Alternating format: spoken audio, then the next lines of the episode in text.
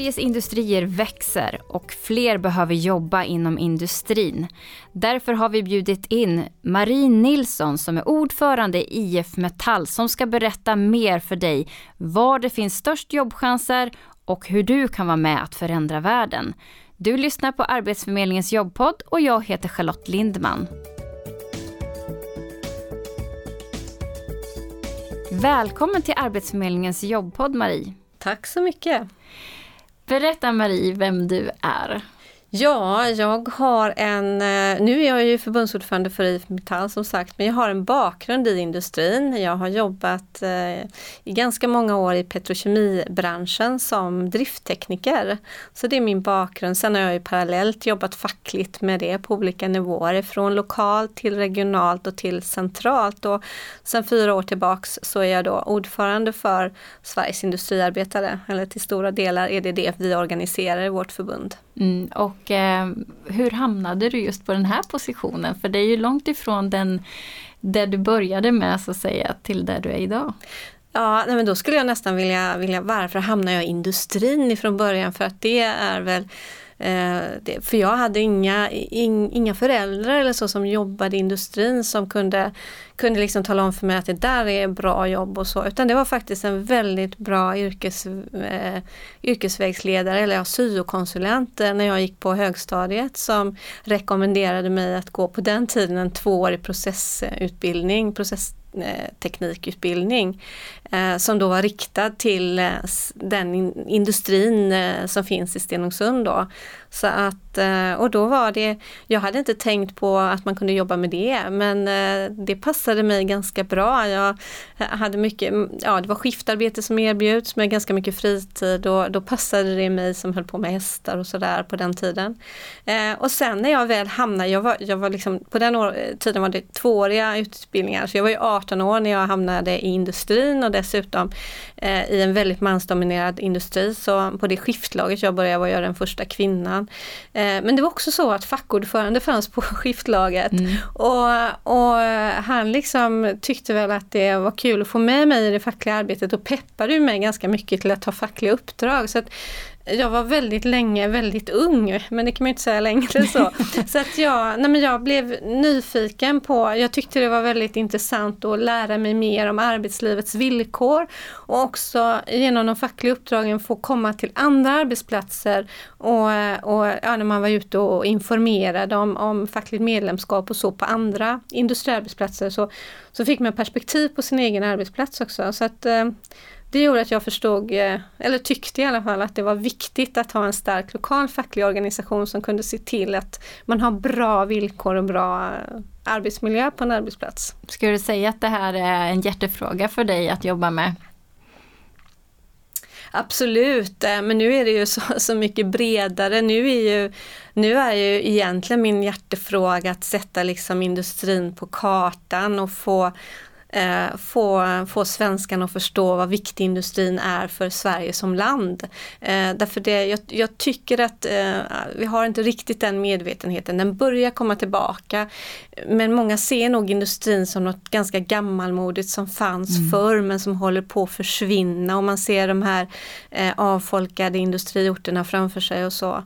Eh, och det är ju inte riktigt så det ser ut i verkligheten utan eh, nu ser det snarare ut som eh, vi har en utveckling som är helt tvärtom ja. med nyetableringar. Vi ska prata mer mm. om det ju, men jag tänker om vi bara tittar på IF Metall för den personen då som lyssnar här eh, som inte vet riktigt vad, vad ni gör och vad IF Metall är för någonting. Kan du berätta lite kort? Ja, vi har ju lite över 300 000 medlemmar då och eh, de allra flesta av dem är ju yrkesverksamma någonstans i ja, industri finns ju i hela landet. Och jag tror att många, när jag, när jag berättar att jag företräder IF Metall så är det många som ser de här stora arbetsplatserna, det, det här som känns igen genom varumärken som Volvo, Scania, SKF, mm. Sandvik, SSAB, LKAB, de här riktigt stora eh, verkstadskoncernerna eller, eller basindustrin som, som man ser framför sig.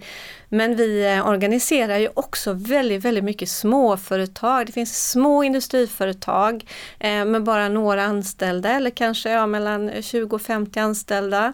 Eh, så det beror, beror lite grann var i Sverige man finns. I Västsverige är det ju ett stort industrikomplex med mycket större arbetsplatser men som också ger eh, arbete och uppdrag eh, till underleverantörer som också vi organiserar.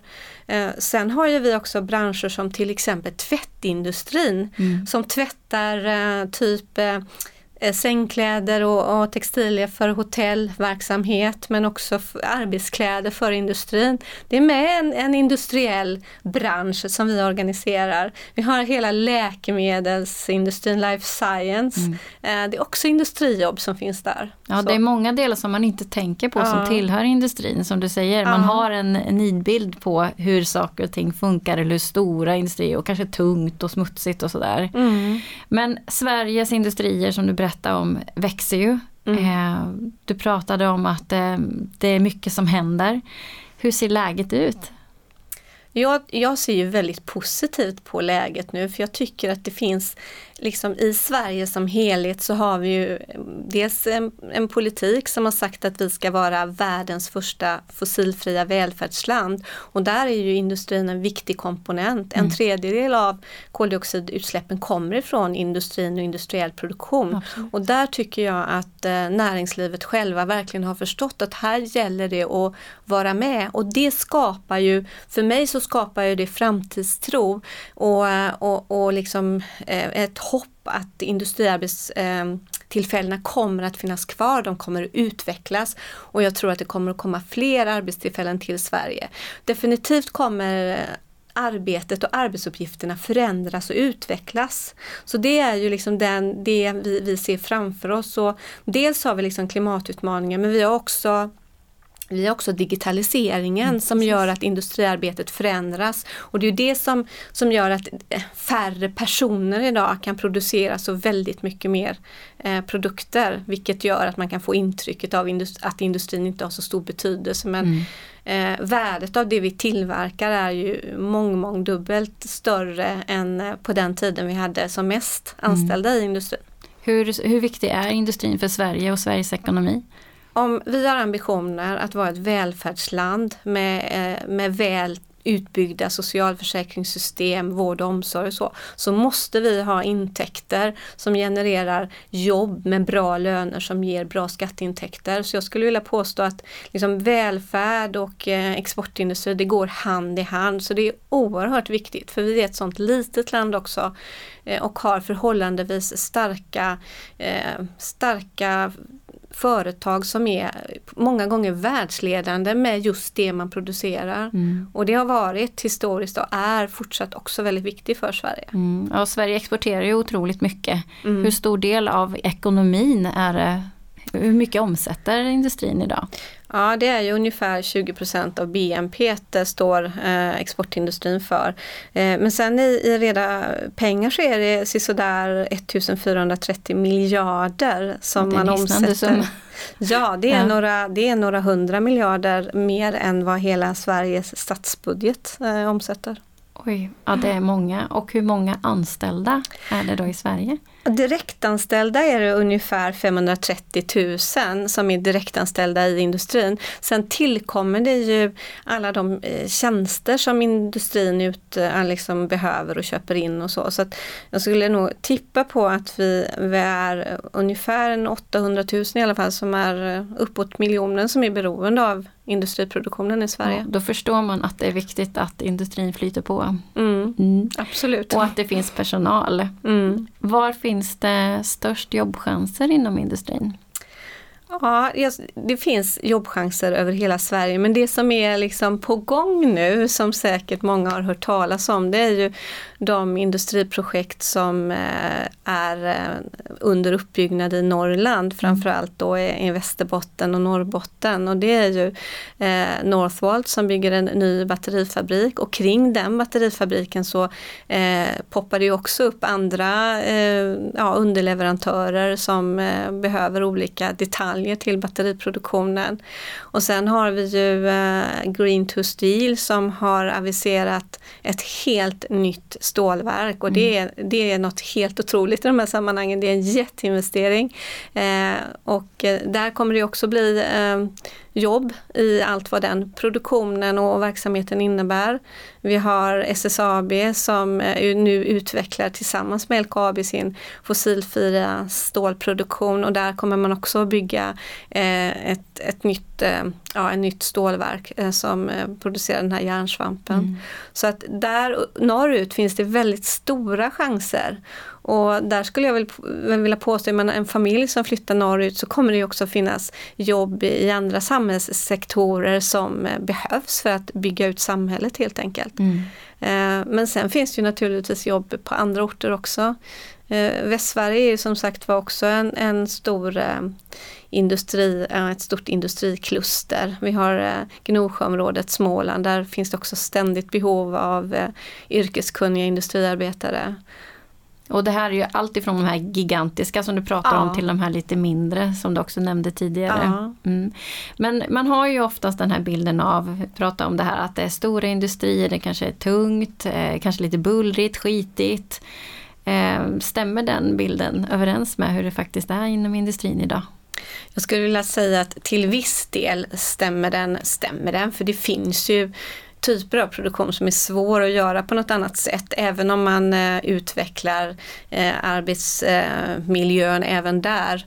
Eh, det är ju min egna erfarenhet också. Men sen finns det ju industrimiljöer som är helt kliniskt rena. Vi har hela eh, life science och eh, läkemedelsindustrin där det är höga liksom, sanitetskrav för att överhuvudtaget komma innanför dörrarna. Mm. Vi har de som jobbar med eh, sådana här eh, som känner av eh, när man rör sig och så som man har i typ självkörande fordon och så. Eh, där, det är också en produktion med, med väldigt, väldigt små eh, elektroprylar som kräver en hög renhet. Så att det finns ju liksom ytterligheterna i industrin. Men eh, in, alltså ny industriproduktion så tror jag många skulle ja, förvånas av vad tyst och rent det är när man kommer in i en sån miljö. Mm. Skulle du kunna ge exempel då på, på industrier som man kanske inte normalt sett har koll på som faktiskt ändå tillhör industrin? Eller som, som man producerar i industrin? Absolut, det kan jag göra. Eh, jag tänker, eh, jag, jag, tänker till exempel på textilindustrin som många tror inte finns kvar överhuvudtaget i Nej. Sverige. Det finns kvar delar av det och den är ju väldigt, väldigt högteknologisk. Och antingen är den högteknologisk eller hantverksmässig. Så vi har ju bland annat eh, eh Märta Mås väveri i Båstad som gör fantastiska eh, mattor mattor och konstvävnader som sysselsätter eh, ja, ett tiotal sömmerskor men det är ett konsthantverk som nog mm. många inte känner igen att eh, ja, det är ett industrijobb. Så.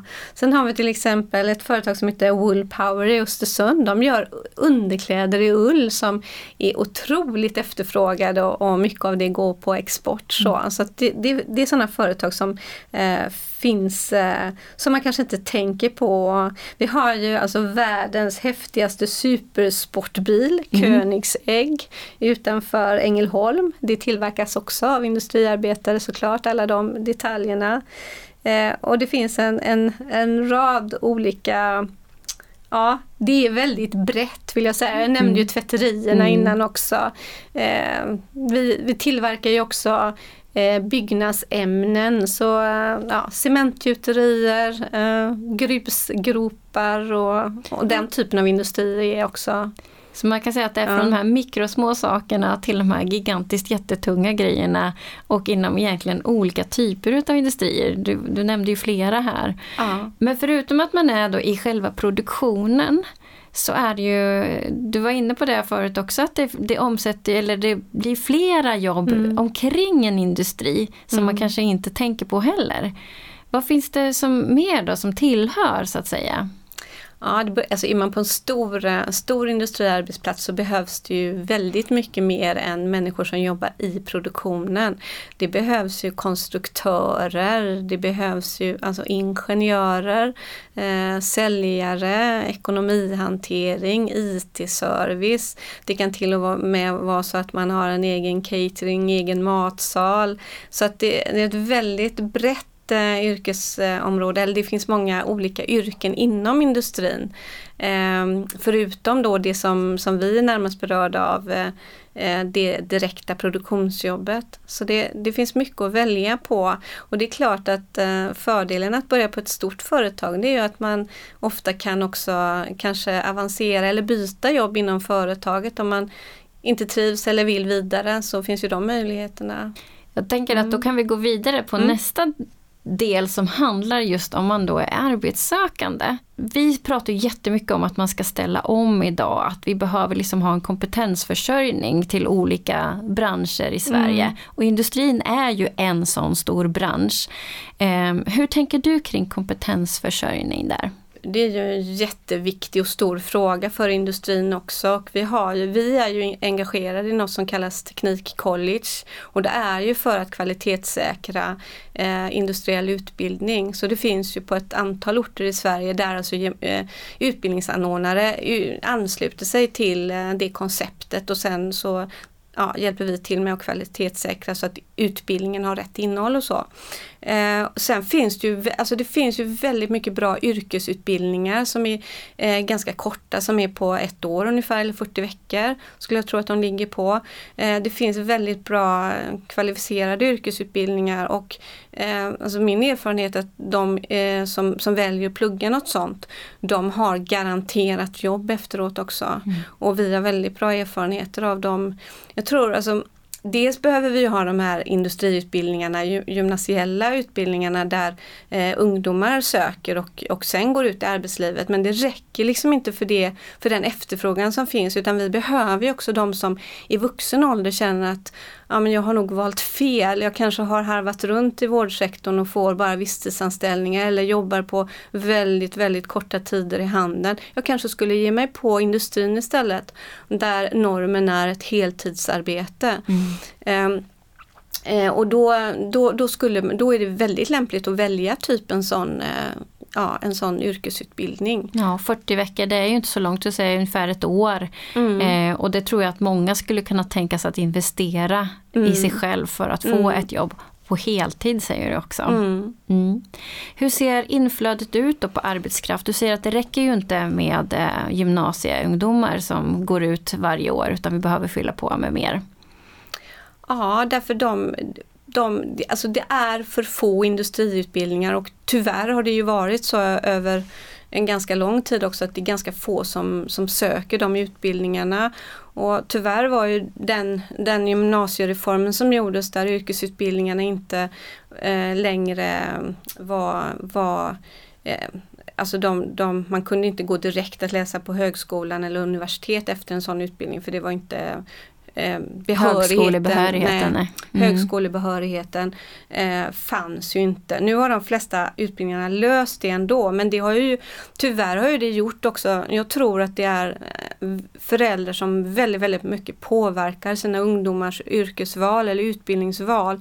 Och ser man då, alltså det är ju väldigt få som, som kanske rekommenderar sitt barn att välja en utbildning som ses som en återvändsgränd. Mm. Så att det, även om, man, även om man inte har för avsikt att läsa på universitet, högskola, så är det väldigt bra att ha en utbildning som ändå möjliggör det. För det kan ju mycket väl hända efter ett tag att man har fått en helt annan eh, en helt annan mognad eller motivation för att plugga vidare. Och då är det inga problem att göra det om man har behörigheten. Och, och jag skulle vilja säga att, att gå en uh, yrkesutbildning med högskolebehörighet eller vä eh, välja en rent högskoleförberedande utbildning. Det är betydligt sämre om du är osäker på vad du vill. Mm. En yrkesutbildning öppnar mycket, mycket fler vägar för dig. Mm. Så det skulle jag rekommendera.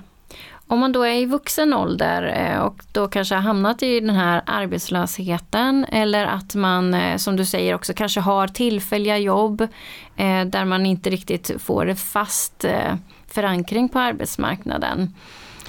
Vilka möjligheter finns det då för att kunna gå en utbildning och sen få ett jobb?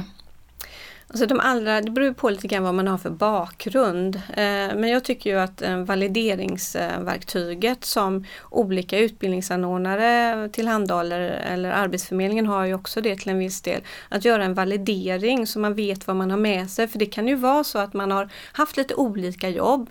Det kan ju vara så att man har haft tillfälliga jobb i industrin också och har en del baskunskaper. Så att man vet ungefär vad man behöver. Och sen utifrån, utifrån det, valideringen, så, så vet man eh, vad man behöver bygga på med. Och få, jag tror också för många att det är viktigt att få liksom en coachning och vägledning i vad det finns för möjligheter. För min, min uppfattning är att det finns ju väldigt, väldigt stora möjligheter och det finns mycket bra utbildningar idag men man måste ju hitta fram till det som är rätt för mig och efter min liksom, förmåga också. Så att jag tror att man måste individanpassa också utbildningsmöjligheterna efter det som varje person har behov av. För mm. det är där det finns möjlighet att få. Samtidigt är det väldigt viktigt att vi utbildar mot där det finns efterfrågan, där man verkligen kan få ett jobb sen. Det är ju det är liksom bra för alla parter. Ja och industrin är ju ett efterfrågat yrke inom flera olika delar har du ju pratat om nu ja. också. Eh, kan eh, de flesta jobba inom industrin? Behöver man liksom vara en speciell person eller ha en speciell personlighet eller vara praktiskt lagd eller liksom noggrann? Vem är man när man jobbar inom industrin?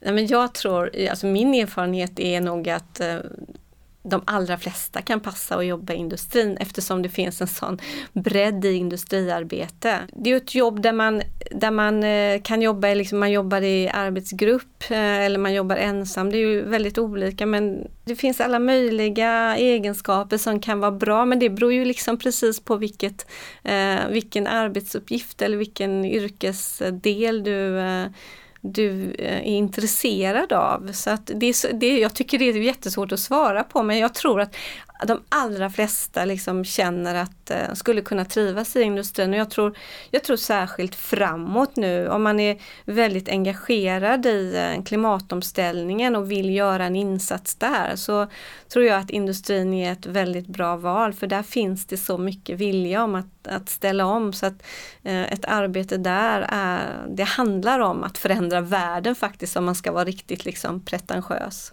Mm. Och vi pratade lite förut om att man har kanske lite olika bilder utav industrin. Eh, hur ser det ut med eh, det här med män och kvinnor, ung och gammal och så?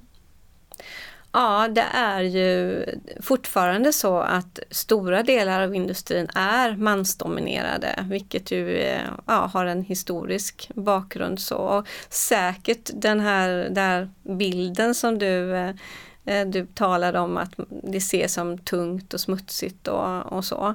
Så att det, det, är ju jätteviktigt att visa att det finns eh, andra typer av industri så att man åtminstone vet eh, vad man har för alternativ att välja på. Eh, så, att, så att det är väldigt mycket, eh, ja, väldigt mycket män som jobbar där fortfarande men det kommer fler och fler kvinnor. I gruvindustrin till exempel så där är det fler och fler kvinnor som eh, eh, jobbar och det funkar alldeles utmärkt. Det är till och, till och med så att eh, en del arbetsgivare föredrar att eh, anställa kvinnor för man har upptäckt att kvinnor är, är mer försiktiga och skickligare på att hantera stora dyrbara maskiner. Eh, Sådana såna saker. Eh, sen tror jag att eh, självklart alltså våra ambitioner som är intresserade av industrin vill ju ha en, en mångfaldhet av eh, anställda. Att man har alltså, personer av all olika bakgrund därför att det är så en arbetsplats formas på ett bra sätt också med många olika erfarenheter som tas tillvara. Så att eh, det behövs absolut fler fler kvinnor. Sen skulle jag väl vilja säga att, att industrin historiskt sett är ju en enda stor eh, integrationsverksamhet för vi har ju väldigt många eh, anställda och vi har många medlemmar som har kommit till Sverige som har flytt ifrån krig eller som har eh, letat sig hit. Eh, ja, tidigare så, så var det faktiskt svenska företag som åkte utomlands för att rekrytera personal hit. Och, men det är en tradition som finns kvar. Vi har jättemånga ifrån eh, forna, forna Jugoslavien som återfinns i industriarbete och, och är väldigt väl integrerade och fackligt aktiva och så. så att, eh, det är också en del av industrin. Mm. Du sa inledningsvis att din hjärtefråga handlar mycket om att sätta verkligen industrin på kartan och att man ska få veta mer om industrijobben. Vad kommer ditt fokus att ligga nu framöver? Ja, men det kommer handla om att fortsätta och, och berätta om industrins möjligheter och, och också om, om, klimatomställningen och att kopplat till det så är kompetensutvecklingen jätteviktig för våra medlemmar men också för eh, alla som vill, vill jobba i den sektorn. Mm. Vi behöver, liksom, vi behöver eh, nya kunskaper för att eh, vara konkurrenskraftiga. Mm. Och vad kommer du kunna säga till de som funderar på att byta bana eller byta yrke? Prova gärna ett industriarbete för där ligger framtiden och du är en del av att rädda planeten. Marie Nilsson, IF Metalls ordförande. Tack så jättemycket för att du kom till Arbetsförmedlingens jobbpodd och pratade om industrijobben. Tack så jättemycket för att jag fick komma. Du har lyssnat på Arbetsförmedlingens jobbpodd med mig Charlotte Lindman. Gäst var Marie Nilsson från IF Metall, tekniker Sisa Madani. Har du tankar och funderingar på vad vi ska prata om i podden, skriv då till podcast arbetsförmedlingen.se. Det här avsnittet producerades sommaren 2021. Vi hörs!